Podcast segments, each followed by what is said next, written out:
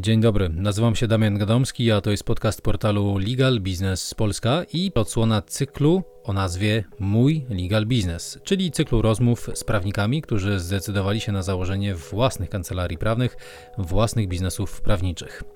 Partnerem cyklu rozmów Mój Legal Business jest dostawca inteligentnego systemu do zarządzania kancelarią Advisor 247 Legal.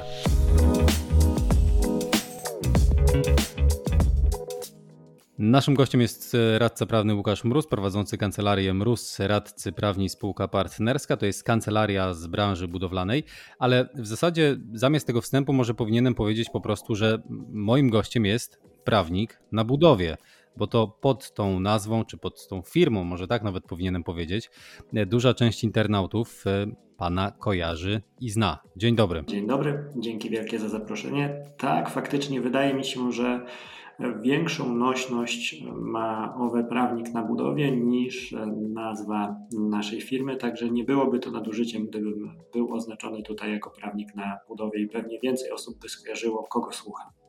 Ale to w takim razie mm, opowiedzmy tą całą historię o tym, jak doszło do tego, że stał się pan prawnikiem na budowie. Pan od zawsze chciał prowadzić własną praktykę, własną małą kancelarię skupioną na konkretnej branży?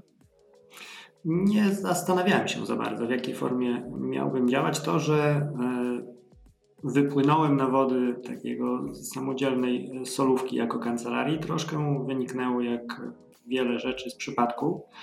E, kiedy byłem jeszcze na studiach, zacząłem współpracować z, z kancelarią w, w Białymstoku. Później zostałem tam jako aplikant i w momencie, kiedy aplikantem już być przestałem i zdobyłem uprawnienia zawodowe, nie znaleźliśmy satysfakcjonującego dla obu stron modelu współpracy i w związku z tym no, ta perspektywa e, samodzielnego prowadzenia biznesu nie tyle, co była gdzieś tam przemyślanym, e, przemyślanym krokiem, e, roztrząsaną od miesiąca strategią czy od kilku miesięcy, tylko z dnia na dzień po prostu musiałem zapewnić sobie jakiś przychód, żeby kredyt hipoteczny mieć z czego spłacić i do lotówki mieć co włożyć. Także tak, w takiej chronologii znalazłem się e, w tej indywidualnej kancelarii. I to od razu była branża budowlana? E, nie, nie od razu. Na starcie moim pomysłem było zaopiekowanie się takim typowym sektorem small business, bo wyszedł, wychodziłem z założenia, że jest to segment klienta, który jest niezaopiekowany i większe kancelarie e, nie bardzo poświęcają mu uwagę, ale to szybko zostało zweryfikowane przez rzeczywistość e, i szybko dowiedziałem się, że nie przypadkiem ten segment jest niezaopiekowany, ponieważ ten segment to, no, nie jest, powiedzmy, że prawnik nie jest najpilniejszą pozycją w budżecie takiej mhm. mikrofirmy, o czym się szybko przekonałem. E, I gdzieś tam e, w tle tak naprawdę e, też toczyło się właśnie to budownictwo gdzieś tam, które nabierało coraz większej skali w, portfelu moich zleceń.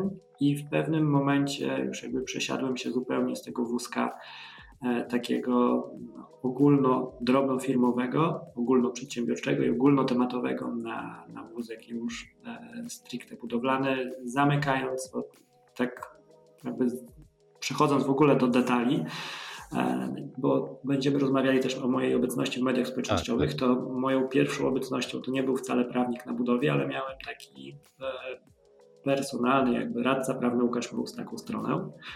E, na którą właśnie pomysłem było e, wrzucanie informacji tak rozumianego szeroko doradztwa prawnego dla małego biznesu. I ona umarła śmiercią naturalną, chyba nawet usunąłem ją e, i przez pewien czas prowadziłem te dwa kanały jakby równocześnie a od pewnego momentu już e, tylko jako prawnik na budowie online mhm. byłem i tak też zostałem. To zatrzymajmy się tutaj na chwilę przy wyborze tej specjalizacji, bo ja rozumiem, że ona jakoś naturalnie, czy przypadkowo, czy ze względu na okoliczności e, przyszła do Pana.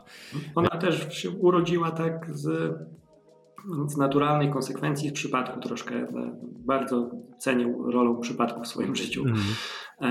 I to była sfera, którą zajmowałem się w kancelarii, w której wcześniej pracowałem jednym z klientów obsługiwanych przez tą kancelarię był taki spory producent stolarki okiennej i drzwiowej. W związku z tym te otoczenie prawne i problemy prawne związane z inwestycjami budowlanymi, no, podbudowę, podbudowę miałem. Mhm. I naturalną konsekwencją było to, że no nie musiałem odkrywać koło na nowo, ale wykorzystać i rozwijać umiejętności, które gdzieś tam wstępnie już były. Mhm. To mając y, te doświadczenia z małym, średnim biznesem i później y, określając się tylko jako prawnik branży budowlanej i to też w pewnym zakresie, y, jak pan ocenia mm, to poszukiwanie specjalizacji, czy jakby jak pan podchodzi do tego? Nie ma sensu już tworzyć kancelarii czy firm prawniczych które są no właśnie jakoś tak szeroko kierowane albo niezdefiniowane, szczególnie w tym e, sektorze małych i średnich przedsiębiorstw. Trzeba mieć konkretną specjalizację, to jest jedyne wyjście? Ja nie oceniam się na osobę dość dobrą, która może sobie pozwolić na budowanie kancelarii będącej w stanie obsłużyć każdy problem i jednocześnie utrzymującej swoją rentowność.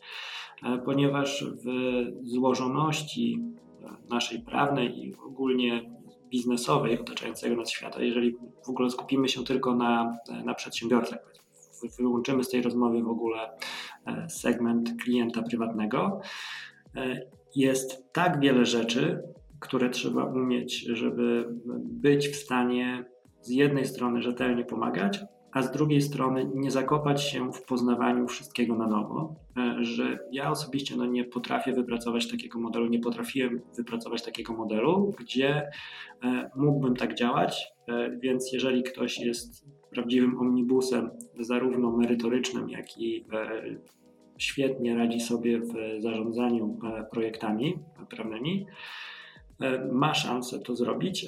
Niemniej w moim odczuciu no, to nie jest coś, co ja jestem w stanie zrobić i wydaje mi się najzwyczajniej w świecie zdecydowanie prostsze z perspektywy prawnika, który prowadzi kancelarię, działanie w, w ramach jakiejś niszy, bo operujemy w znanych realiach biznesowych, w znanych ramach prawnych e, i to wszystko pozwala e, budować rentowność projektów, ponieważ no, e, paradoksalnie, mimo że znam temat lepiej niż temat budownictwa lepiej niż osoba, która zajmuje się w poniedziałek spadkami, w wtorek rozwodem, a w środę jakimś tam doradcą w sprawie administracyjnej, e, to mogę nawet zaproponować e, niższą cenę niż taka osoba e, mogłaby zaproponować, żeby zrekompensować jakby swój wkład pracy i czasu, który potrzebuje na rozwiązanie problemu i nawet z tą swoją niższą ceną. To będę miał wyższy stopień rentowności firmie niż osoba, która dopiero wejdzie tak naprawdę na, na ten budowlano-prawny grunt i będzie rozwiązywała ten mhm. problem. A jeszcze pozostając przy tej specjalizacji, bo obserwując Pana media społecznościowe i właśnie media społecznościowe prawnika na budowie, to jest tak, że tam też jest wiele osób fizycznych, czy właśnie małych przedsiębiorców, którzy konsumują te pana treści dotyczące właśnie branży budowlanej. I nawet ostatnio widziałem taki wpis, w którym tłumaczył pan, czy, czy określał, że no, tak naprawdę to nie zajmuje się wszystkim, co jest związane z branżą budowlaną, a określonymi rzeczami, przede wszystkim kontraktami, ich negocjowaniem, czy jakby sporami wynikającymi z kontraktów i to po stronie wykonawców przede wszystkim, ale ale inwestorów. E, czyli jeszcze tutaj Pan tak zawężył ten, ten obszar swojej specjalizacji.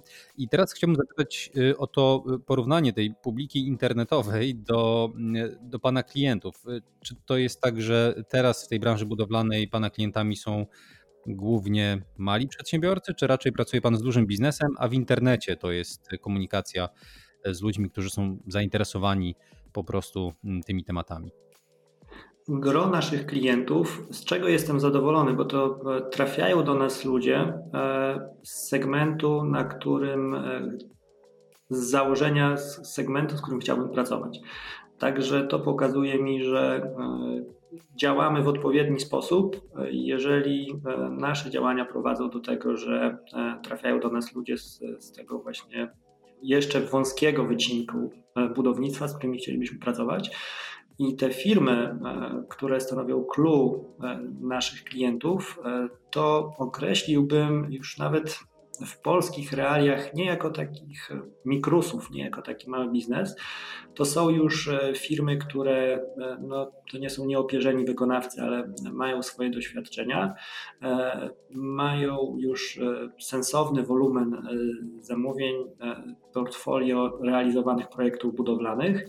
Niemniej nie jest to taki top of the top, który komfortowo czułby się z wysyłaniem zapytania ofertowego do e, kancelarii z siedzibą w Warszawie, która ma jakieś tam angielsko brzmiące nazwiska w firmie e, i która po odesłaniu oferty no, mocno zaskoczyłaby taką osobę i to zanim jeszcze ta osoba zorientowałaby się, że ta cena, na którą patrzy na ofercie, to nie jest waluta polski złoty, ale euro. Mhm. E, także tutaj mam Jestem bardzo zadowolony z tego modelu. No, współpracujemy właśnie z, z, takimi firmami, które są już na tyle duże, że nie wystarczy im taki człowiek od wszystkiego, ale nadal to nie jest jakby tak ogromna korporacja, nie wchodzi w ten standard taki duży korporacyjny, gdzie e, sięga po pomoc prawną z, z tej najdroższej, najdroższej półki. Mhm. Jeżeli zestawimy to z e, publicznością, to ja mam taką obserwację, że jest duża różnica między osobami, które e, obserwują, e, jakoś tam angażują się z materiałami, które publikują, a tymi, które zlecają nam pracę. E, ponieważ strzelając zupełnie z, gdzieś tam z, z pod stołu, wydaje mi się, że jakieś 90 parę procent osób, które zwracają się do nas o pomoc, to nie są osoby, które jakkolwiek kojarzą z, z któregoś z kanałów społecznościowych, mhm. angażujące się czy to komentarzami, czy to reakcjami w, w content, który publikują. E, także rzeczywiście e, jest tak, że ci ludzie kontaktując się, e, zawsze jest właśnie te wskazanie, że ok, to e, czy słucham podcastu, czy widziałem na Facebooku, czy jesteśmy w sieci kontaktów na LinkedInie, także ten e, ciepły kontakt jest e, i nie jest tak, że trafiają z próżni, ale widać, że to jest taki bierny odbiorca mhm. tych treści.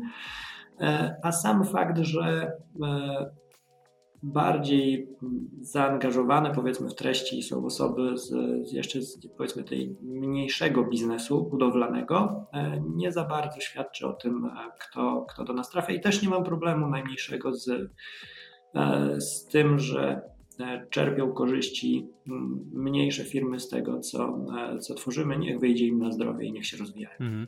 To zapytam jeszcze, bo pojawiła się tutaj Warszawa i to wysyłanie ofert do kancelarii z Warszawy. Pan prowadzi kancelarię w Białym Stoku. Zastanawiam się, czy to ma jeszcze jakiekolwiek znaczenie, taka lokalizacja biznesu, kancelarii.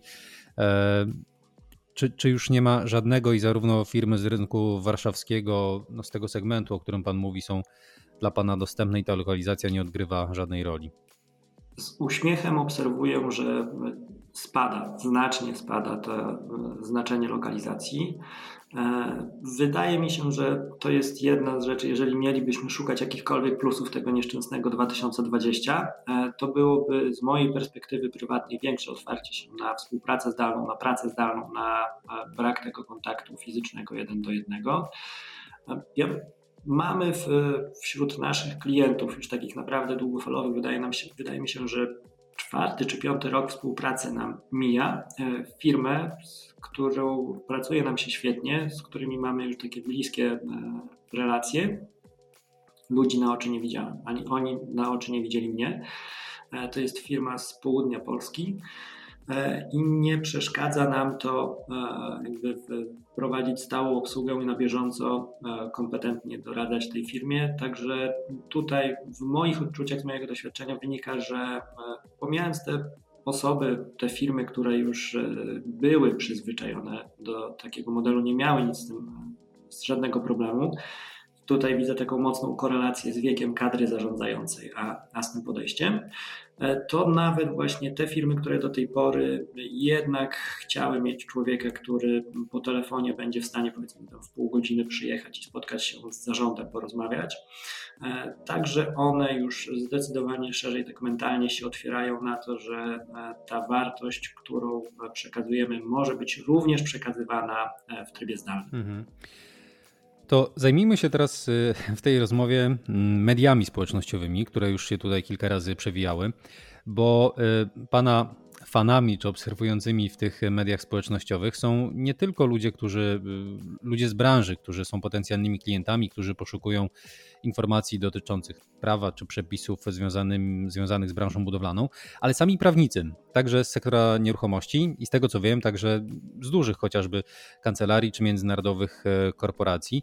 I od wielu osób słyszałem, prawnik na budowie, tak jest, bardzo ciekawy profil i kiedy się o tym rozmawia, to no, można dojść do wniosku, że pan jest po prostu dobry w tych mediach społecznościowych.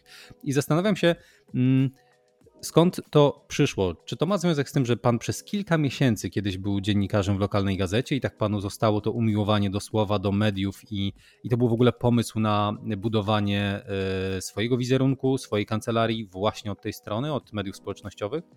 Facebook, Instagram, podcast, no wszędzie tam pan jest. E, widzę, że był research robiony, pochwalam, doceniam. E, to bardziej traktowałbym jako e, ten mój epizod w lokalnej prasie, epizody w gazetkach szkolnych, epizody w innych mediach, takich już mikrolokalnych i obecność tą medialną jako bardziej mm, przejawy tego samego, przejawy mojej osobowości, o tak.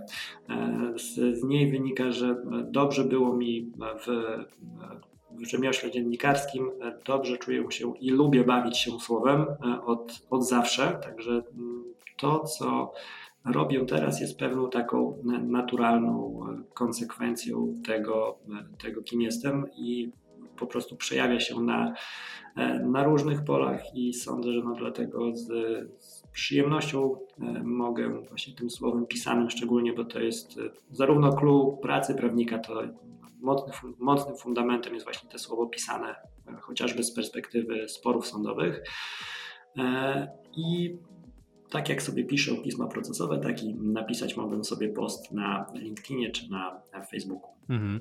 Ale to był, e, to był pomysł na to, żeby zbudować portfolio klientów. Jakby te media społecznościowe były. Inaczej zapytam. Te media społecznościowe są w takim razie wynikiem Pana pewnej pasji y, działalności, czy to też było zamierzenie takie, że zaczynam, chcę zbudować portfolio klientów, rozpoznawalność, media społecznościowe mi w tym pomogą? E, te media społecznościowe to bardziej ich używanie jest skutkiem tego, że naturalnie się w nich czuję. E, I skoro to jest takie środowisko, w którym, ale nie, nie na wszystkich platformach, to, to co muszę zaznaczyć. To, Czyli na TikToku pana nie ma. Czy może jest? E, jeszcze nie ma, e, jakby nie, nie czułbym się tam naturalnie i to jest dostateczny sygnał e, wskazujący z mojej perspektywy to, że nie powinno mnie tam być, chociaż ten TikTok właśnie ma taką łatkę wskazywania typowej, takiej ciemnej strony powiedzmy społecznościowej, że to są zabawki dla dzieci, ale e, budowane są na nim też ogromne pieniądze. I to pokazuje, ten sam szacunek e, trzeba mieć tak naprawdę i tą samą pokorę do wszystkich tych platform, bo e, nie traktowałbym jakoś pobłażliwie platformy, która pozwala do, tak na dobrą sprawę po kilkunastu miesiącach nabić rachunek bankowy na tyle, że można pozwolić sobie na emeryturę w wieku 19 czy 21 lat. Jeżeli chodzi o moją obecność w, w społecznościówkach, to miałem od zawsze tendencję do takiego internetowego ekshibicjonizmu, zarówno w używaniu takim prywatnym tych, e, tych platform.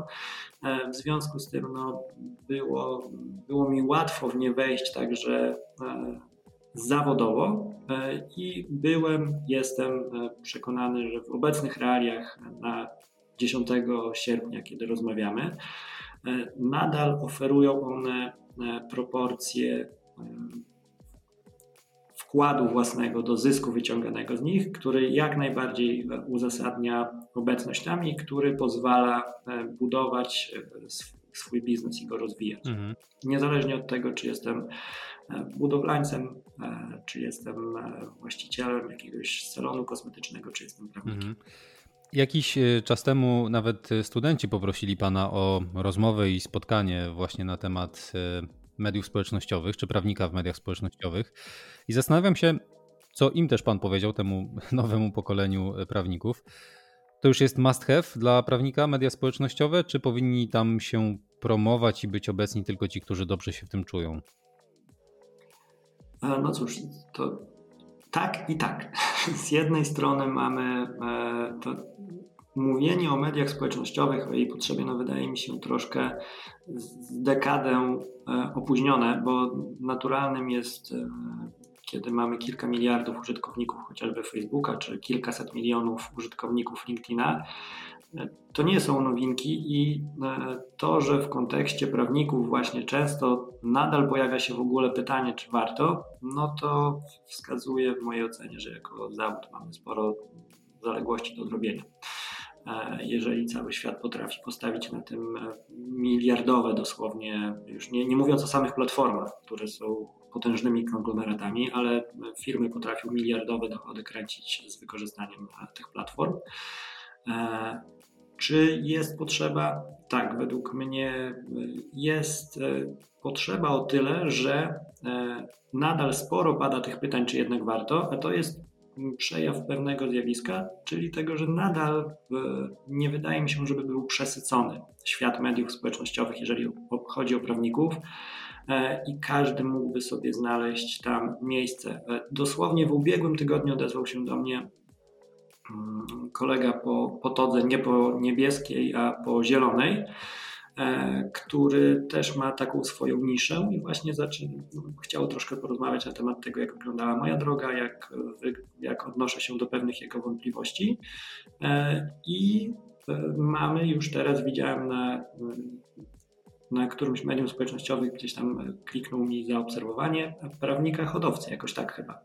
Człowiek, który, tą, tą jego niszą jest obsługa producentów rolnych. Mhm co swoją drogą z mojej perspektywy było ciekawym doświadczeniem, bo e, moi rodzice prowadzą fermę drobiu. Tak. Miałem okazję nie raz, nie dwa e, z kurą mieć do czynienia, także e, jak coś będę mógł ich podesłać do, do tej strony. Więc potrzeba jest o tyle, że i możliwość, że dalej sądzę, że jest duże pole do, mhm. do, do wypracowania sobie rozpoznawalności jako właśnie ten człowiek od danej kwestii. E, I jakby pan przypomniał drugą część swojego pytania, bo w swoim wywodzie tak, tak, Jasne, ale to ja może doprecyzuję, bo zastanawiam się mm, co do tych wątpliwości. Czy media społecznościowe albo mm, ich wizerunek, który budowany jest w mediach społecznościowych, nie zamyka może dostępu do tego dużego biznesu. To znaczy, jeżeli w mediach społecznościowych pozycjonujemy się i na Facebooku komunikujemy się właśnie z odbiorcami, z osobami fizycznymi, z małymi i średnimi przedsiębiorcami, to, to nie jest tak, że już wpada się trochę w zaszufladkowanie, że to jest właśnie prawnik dla takiego biznesu, a ci najwięksi gracze, ci pracujący z dużymi firmami, no to oni tak nie są tak bardzo obecni w tych mediach społecznościowych, nie opowiadają o sobie i to są ci zaufani doradcy. To kilka kwestii. E, jeżeli słuchasz tej rozmowy, jesteś radcą prawnym czy adwokatem, to mam dla Ciebie przykrą wiadomość. Rady nadzorcze nie zastanawiają się, czy Twoja jednoosobowa kancelaria to jest właściwy adres, żeby świadczyć im usługi. I tym, że nie będziesz obecny, obecna e, w mediach społecznościowych, nic nie zyskasz, bo tak naprawdę i tak nie jesteś dla nich partnerem do rozmów. E, jeżeli mówimy o takim top of the top, to obsługuje go top of the top. E, I tutaj nie, nie wydaje mi się, żeby szczerze mówiąc, ktokolwiek miał sobie strzelić w stopę. E, to e, kwestia pierwsza. Kwestia druga, to mnie nie bardzo przekonuje mm, takie odrywanie, jakby wskazywanie, że te duże podmioty to jest jakiś tam wyimaginowany, abstrakcyjny podmiot. W ostatecznym rozrachunku to są ludzie. Ci ludzie spędzają jakiś czas, e, jakoś e, czas swój wolny i spędzają go w różnych miejscach, również online. Spędzają go również na tych platformach, także tutaj e, widzę bardziej różnicę sposobu komunikacji, jaki prowadzimy. Bo ten, który jest mój, jest mój, w pełni mój i z pełną świadomością zdaję sobie sprawę, że jest gro osób, którym on nie będzie leżał. E, dla których będę osobą niepoważną, nie dość stateczną, nie dość wykrawatowaną, nie dość wykrochmaloną, nie dość posługującą się zdaniami wielokrotnie złożonymi, żeby ze mną współpracować. Sęk w tym, że nie mam z tym najmniejszego problemu, e, bo mentalnie dużym przeskokiem, który im szybciej się zrobi w mojej ocenie, tym lepiej, e, jest przestanie myśleć, myśl, takie niemyślenie o tym, kogo sobie wycinamy ze współpracy, ale kogo do siebie przyciągamy. Bo w tym ogromie, zalewie prawników, e, który jest dostępny na rynku i który w każdych powtarzających się badaniach klienci wskazują, że oni nie są właściwie kompetentni, żeby rozróżniać wartość poszczególnych prawników, to z kim współpracować, to w momencie, kiedy masz jakiekolwiek punkty różnicujące, e, punkt, który wskazuje, że to ty jesteś właściwym człowiekiem dla danej osoby, to e, moje założenie jest takie i rzeczywistość jakby prowadzenia firmy potwierdza mi jego słuszność, że wolę znaleźć ludzi, którzy lubią sorbet cytrynowy i go sprzedawać, niż handlować lodami waniliowymi i liczyć, że ci wszyscy, którzy mogą z nich skorzystać, bo to jest coś neutralnego i coś, co w ostateczności każdy może sobie złapać, to część z nich może do mnie wpadnie, część z nich może nie mhm. wpadnie. Także nie widzę problemu, żeby prowadzić mocno profesjonalną, mocno korporacyjną chociażby komunikację e, z wykorzystaniem, no tu na pierwszy plan wysuwa się LinkedIn, oczywiście, że mówimy o społecznościówkach e, i e, korzystać z do, docierania nawet właśnie do tych wysoko postawionych high-endowych klientów. Mhm. Wspomniał Pan o wolnym czasie i o używaniu mediów społecznościowych w wolnym czasie. W Pana kancelarii tego czasu wolnego będzie teraz więcej. Wprowadził Pan czterodniowy tydzień pracy. Mhm. No proszę się z tego wytłumaczyć. No jak to? Tylko cztery dni? Przecież w biznesie prawniczym liczą się długie godziny, codziennie, bilowanie i tak dalej, i tak dalej. Ten czterodniowy tydzień pracy chodził mi e, po głowie no już od długiego czasu. E, ja sam, sam nagrałem, nagrywam też swój podcast Prawnik na budowie, serdecznie zapraszam. Tam jest odcinek, e, w którym 90 minut chyba około e, opowiadałem o tym, skąd to się wzięło, dlaczego to się wzięło. Spróbuję skrócić to do 90 sekund max tutaj z Panem. Tak, bardzo proszę. E, wzięło się to z tego, że z mojej perspektywy bardzo ważna dla mnie jest utrzymywalność tego działania na wysokim poziomie. Nie jestem dość dobry żeby, e, żeby działać na 100% przez 7 dni w tygodniu chociażby. E, to nie jest mój świat. Jeżeli e, słuchaczu drogi szukałbyś jakiegoś tam ciekawego case'a, jeżeli o to chodzi, to odsyłam do podcastu poza prawem, o, Szymona Kwiatkowskiego. Oni gościli z, z Jerzym Rajkow-Krzywickim panią mecenas nie będę próbował przypomnieć sobie nazwiska, bo skaleczę, je mocno. Mhm. W każdym razie to jest e, osoba zdętąca z dorobkiem naukowym, jak i zawodowym na wysokim poziomie, z, z korpo kancelarii, z takiej du, z dużego podmiotu.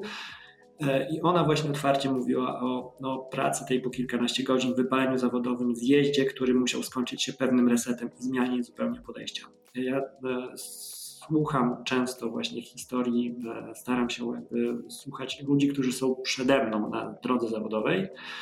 E, I jednym z właśnie z, to, to, był taki przypadek słuchania, z którego wyciągnąłem wniosek, że nie warto czekać na popełnienie swojego błędu, tylko można włożyć go już teraz.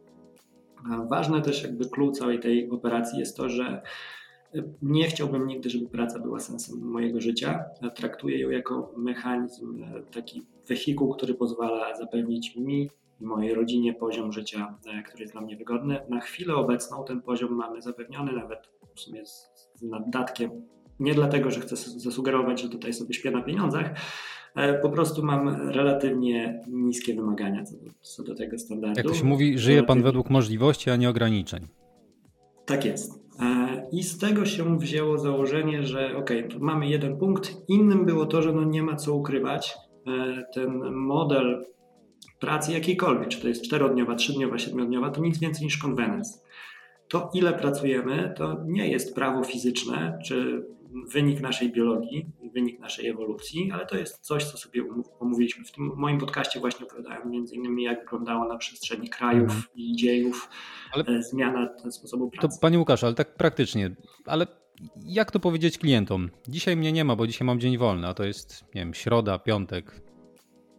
Właśnie tak. E, wystarczy powiedzieć, nie spotkałem się jeszcze tak naprawdę z, z odpowiedzią jakąś mega negatywną. Tutaj troszkę upatruję tego właśnie e, między innymi ciepłego kontaktu, tego, że ludzie wiedzą, czego po mnie oczekiwać, wiedzą się, czego można się po mnie spodziewać. I najzwyczajniej w świecie ja też nie kryję że nie jestem człowiekiem, do którego będziesz mógł zadzwonić, dajmy na to o 18, czy który w sobotę będzie rzucał wszystko, żeby, żeby zajmować się Twoim tematem, ponieważ i tak życie zawodowe pociąga nam wią część E, dnia. E, kiedyś liczyłem, to wyszło mi tak na dobrą sprawę, że po odjęciu pracy, po odjęciu takich e, rzeczy około życiowych, tu posprzątaj, tam zjedz, tam pozamiataj, zostaje jakieś tam niespełna 3 godziny takiego jakościowego czasu do poświęcenia rodzinie, czyli najważniejszym ludziom, z którymi się spotykam.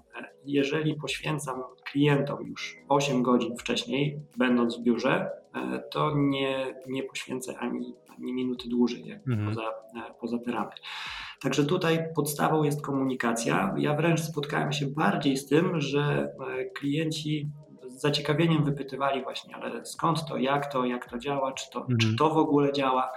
E, I najczęstszą uwagą było to, czy mógłbyś porozmawiać u nas z zarządem czy z szefosem, czy nie dałoby się u nas tego Aha. sprawdzić. A z drugiej strony mm, czasami słyszy się, ok, szczególnie w dużych kancelariach, że jeżeli jakiś klient e, przychodzi ze zleceniem i szuka takiego, szuka szybkiej realizacji projektu, nie wiem, jakiegoś badania due diligence chociażby i to ma być zrobione tam w 5 dni, czy, czy w jakimś krótszym okresie i nie jest to możliwe, czy jakaś kancelaria powie, że nie ma czasu, to na pewno znajdzie się ktoś, kto zrobi to w tym, w tym terminie. Czyli jakby jest tu mm, bardzo duże nastawienie do mm, dopasowania do, do klienta i jego terminów i w ogóle branża prawnicza ma taki stereotyp i wizerunek ludzi pracujących bardzo dużo, pracujących do wieczora, pracujących w weekendy, czy w takim razie według Pana to się zmienia, czy tylko takie mniejsze kancelarie jak Pana mogą sobie na to pozwolić? Zmienia się bardzo powoli. Nie powiedziałbym, że mniejsze kancelarie tu są jakimś szczególnym poletkiem, wręcz szukałbym e, zmian tak procentowo powiedzmy co do, mm, jeżeli weźmiemy sobie małe, średnie, duże kancelarie, że to w tych największych e, upatrywałbym tych największych zmian, bo tam jest e, większa, są też plusy tej kultury korporacyjnej, czyli myślenie o tym właśnie, że dobra, pomyśl, pomyślmy o e, takiej długiej wartości budowanej dzięki pracownikom. To jest clue tak naprawdę, core, na którym możemy postawić dochodowość naszego biznesu, więc o tych ludzi musimy dbać dla swojego dobra. Mhm. I e, wiem też fakt, że e, duże kancelarie to duże miasta, a te największe to czytaj Warszawa, też jest większa otwartość na na nowinki z zakresu zarządzania, czy z wellness, czy z jakichkolwiek innych ideologii związanych z, z dbaniem o siebie i nie traktowane jest tam w tych, tak jak obserwuję właśnie z jakich adresów wynurzają się te uwagi o tym, że słuchajcie, ale no to zacznijmy rozmawiać o tym, jak pracować przez dekadę, a nie jak pójść do e, dużej kancelarii na 9 miesięcy, żeby się zażynać, odłożyć sobie trochę kapitału i ruszyć e, czymś swoim. Wręcz wydaje mi się właśnie, że w tych małych kancelariach jest kult tych, e, tych godzin, kult tego wypracowywania i e, mówiąc zupełnie otwarcie, odwrotnie proporcjonalne według mnie myślenie o rentowności, że taka fakt pracy E, długich godzin i tak dalej, to jest taka, taki medal honoru. E, dla prawnika dla mnie to jest przejaw tego, że coś jest nie tak, że ja źle coś organizuję, mhm. bo to nie powinno tak wyglądać i to jest e, wręcz taki żółta kartka dla samego siebie i świadectwo tego, że nie potrafię robić tego, co robię, bo to, nie, bo to jest źle zorganizowane, mhm. jeżeli tak musi wyglądać. I jedna ważna rzecz, bo też nie chcę tutaj roztaczać gdzieś za sobą tęczy takiej, Części klientom nie będzie to pasowało. To są ludzie, którzy nie skorzystają z moich usług. E, niemniej ważąc plusy i minusy rozwiązań, jest to e, koszt, który jest w pełni do zapłacenia i e, firma mi jeszcze nie popłynęła, mimo że od miesiąca korzystamy z tego czterodniowego czasu pracy. Mhm. A gdzie dalej popłynie Pana firma? Teraz, jeżeli chodzi o radców prawnych, to jest Pan, Pana żona, dwóch aplikantów. Mhm. I taki jest pomysł na tę firmę? To ma być mały butik, czy myśli Pan o zbudowaniu e, większej, a może bardzo dużej kancelarii prawnej? Ma być mały. Może inaczej. To, jaki będzie model, to rzeczywistość mi podyktuje, e, jaki model będzie pozwalał mi na utrzymanie tego, e, tego standardu, tego życia, na którym mi zależy. To nie mówię tylko, żebyśmy się dobrze zrozumieli o standardzie dochodowym, ale jestem zadowolony z tego, gdzie jestem w tym miejscu, jak wygląda moje życie jak długo będę zadowolony, to powiedzmy czasami może się okazać, że e, zdezaktualizuje się mój plan, bo teraz on rzeczywiście obejmuje bycie małą kancelarią, bardzo małą nawet. E, taką arbitralną liczbą, którą sobie wymyśliłem, to że chciałbym, żebyśmy, żebym mógł policzyć cały nasz zespół na e, palcach obu dłoni, przy czym jeden kciuk byłby zgięty. Czyli jed, jed, taka jednoosobowa o tyle, że mhm. zespół liczący do dziewięciu osób, e, bo to wydaje mi się też pewnym znacznikiem jakby skali działalności. Obawiam się, żeby przy budowaniu skali, co jest popularnym modelem biznesowym, jeżeli chodzi o kancelarię w Polsce, czyli rozwijamy się osobowo, nie do końca myśląc o e, jakimś e, wzroście rentowności, tylko bardziej patrzymy na ten linearny progres e, zespołu. I gdzieś tam może kiedyś dochodzi nas refleksja po 18 godzinach pracy, że kurczę, w sumie obroty rosną, ok, przychody rosną, ok, ale przychód i zysk to nie jest to samo. I e, rośnie tylko skala, rośnie liczba problemów do obsługi, e, liczba kwestii takich czysto zarządczych, a wcale nie jest tak mocno rentownie. I to mhm. nie jest model, który mnie interesuje i jak długo e, będę w stanie żyć jak żyję na małej firmie, tak długo będę na kancelaria Mróz Radcy Prawni będzie kancelarią małą, butikiem dedykowanym tylko konkretnym problemom. Bardzo dziękuję w takim razie za tę rozmowę. E, jeżeli Państwo e, chcą więcej prawnika na budowie, chcą więcej Łukasza Mroza, to polecamy podcast, który właśnie tak się nazywa, Prawnik na budowie. Tam z tego co widziałem mówi Pan nie tylko o przepisach e, czy o takich bardzo merytorycznych kwestiach, ale właśnie też o organizacji pracy i o tym, jak prowadzić pracę kancelarii. Tak jest. Zapraszam. Generalnie idea podcastu jest taka, że Pierwsze pytanie, które zawsze sobie zadaję, jakby myśląc o odcinku, jest to, czy publiczność, do której, z myślą, o której tworzę tą treść, odniesie korzyść jakąś z tego, co chcę powiedzieć. I dlatego właśnie wrzucam tam coraz częściej, coraz regularniej i wrzucać planuję właśnie e, regularnie kwestie nie tylko dotyczące tego, co, co najczęściej tam poruszam, czyli jak wyglądają dane problemy prawne, czy opowieści o jakimś konkretnym sporze między zamawiającym a wykonawcą, czy generalnym wykonawcą i podwykonawcą, ale kwestie takie właśnie jak e, zarządzanie pracą, jak e, to wszystko, co jest w pełni uniwersalne tak naprawdę dla prawnika i kierownika projektu czy członka zarządu spółki budowlanej. Polecamy zatem podcast Prawnik na budowie, a za dziś bardzo dziękuję. Łukasz Mróz. Dziękuję bardzo. Dziękuję również i mam nadzieję, że dotarliście wszyscy Państwo do tej 38 minuty, czy tam 30 tego odcinka. Oby, do usłyszenia. Oby, dziękujemy bardzo.